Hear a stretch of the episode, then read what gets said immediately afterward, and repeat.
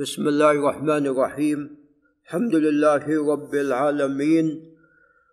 وأصلي وأسلم على نبينا محمد وعلى آله وأصحابه والتابعين لهم بإحسان إلى يوم الدين. أما بعد فقال مجد الدين أبو البركات بن تيمية رحمه الله تعالى في كتابه المنتقى من أحاديث الأحكام.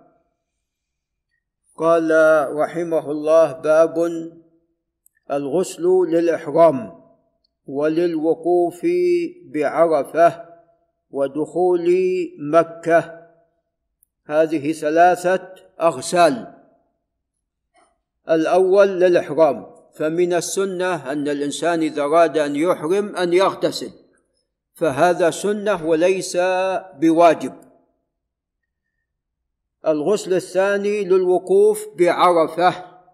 نعم وهذا قد جاء عن الصحابة رضي الله تعالى عنهم. وتقدم لنا أن الوقوف بعرفة عيد يعتبر عيد كما جاء في الحديث الصحيح. قال عليه الصلاة والسلام يوم عرفة ويوم النحر وأيام التشريق عيدنا أهل الإسلام. قال الترمذي حديث حسن صحيح. الثالث الغسل لدخول مكة وقد ثبت عنه عليه الصلاة والسلام أنه اغتسل لدخول مكة فهذا سنة أيضا. قال عن زيد بن ثابت رضي الله تعالى عنه أنه رأى النبي صلى الله عليه وسلم تجرد لإهلاله واغتسل.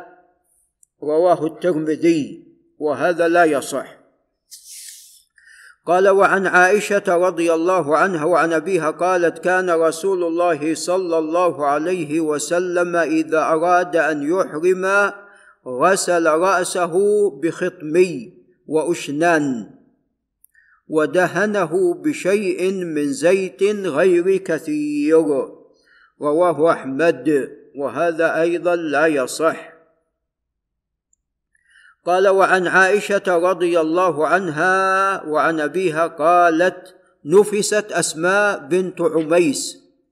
أسماء بنت عميس الخثعميه رضي الله تعالى عنها أنها خرجت للحج مع رسول الله صلى الله عليه وسلم وذلك في السنة العاشرة. نعم. وكانت حامل بل متم. ولذا من حين وصلت إلى آه، ذي الحليفة وهو قريب من المدينة الآن داخل ذي الحليفة بيار علي داخل ضمن المدينة. وضعت. فلم يمنعها ذلك من أن تحج. يعني انظروا إلى الهمة وإلى الحرص على الحج وعبادة الله سبحانه وتعالى. ولا وإلا امرأة توشك أن تضع. ومع ذلك خرجت للحج. ما قالت ماذا أفعل إذا وضعت؟ وولدي ماذا أفعل به؟ وسوف أطوف وأسعى وأقف بعرفة وأفعل وأفعل. ما أستطيع؟ لا. رضي الله عنها. قال قالت نفست أسماء بنت عميس بمحمد بن أبي بكر. لأنها كانت زوجا لأبي بكر الصديق بعد أن استشهد عنها جعفر بن أبي طالب تزوجها الصديق. وبعد وفاة الصديق تزوجها علي أخو جعفر. نعم فأنجبت من أبي بكر محمد. نعم. آه، نفست بمحمد بن أبي بكر الصديق بالشجرة فأمر رسول الله صلى الله عليه وسلم أبا بكر أن يأمرها أن تغتسل وتهل. فدل هذا على أن النفس والحائض يهلان بالحج وبالعمرة وكونهما في حال حيض أو نفاس لا يمنع هذا من انعقاد الإحرام. لكن لا يطوفان إلا بعد ماذا؟ إلا بعد الطهارة نعم. عندما يطهر يطوفان. وأما باقي أفعال الحج فإنهما يفعلان آه هذه الأفعال ما عدا الطواف. نعم. أمر أبو بكر أن يأمرها بأن تغتسل وتهل. رواه مسلم وابن ماجه وأبو داود. وعن جعفر بن محمد بن علي بن أبي طالب رضي الله عنهم. وعن جعفر بن محمد بن علي بن الحسين بن علي بن أبي طالب رضي الله عنهم عن أبيه أن عليا رضي الله عنه وهذا منقطع كان يغتسل يوم العيدين ويوم الجمعة ويوم عرفة وإذا أراد أن يحرم الأول للعيدين والثاني للجمعة والثالث لعرفة والرابع إذا أراد أن يحرم رواه الشافعي وهذا منقطع كما تقدم ولكن محمد بن علي يروي عن جده. قال وعن ابن عمر رضي الله عنهما أنه كان لا يقدم مكة إلا بات بذي طوى وهو قبيل مكة. ذي طوى الآن هي الزاهر والله أعلم هي الزاهر وهي حي الان من احياء مكة.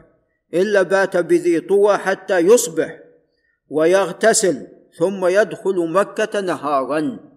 ويذكر عن النبي صلى الله عليه وسلم أنه فعله. نعم. فإذا من السنة عند دخول مكة أن تغتسل.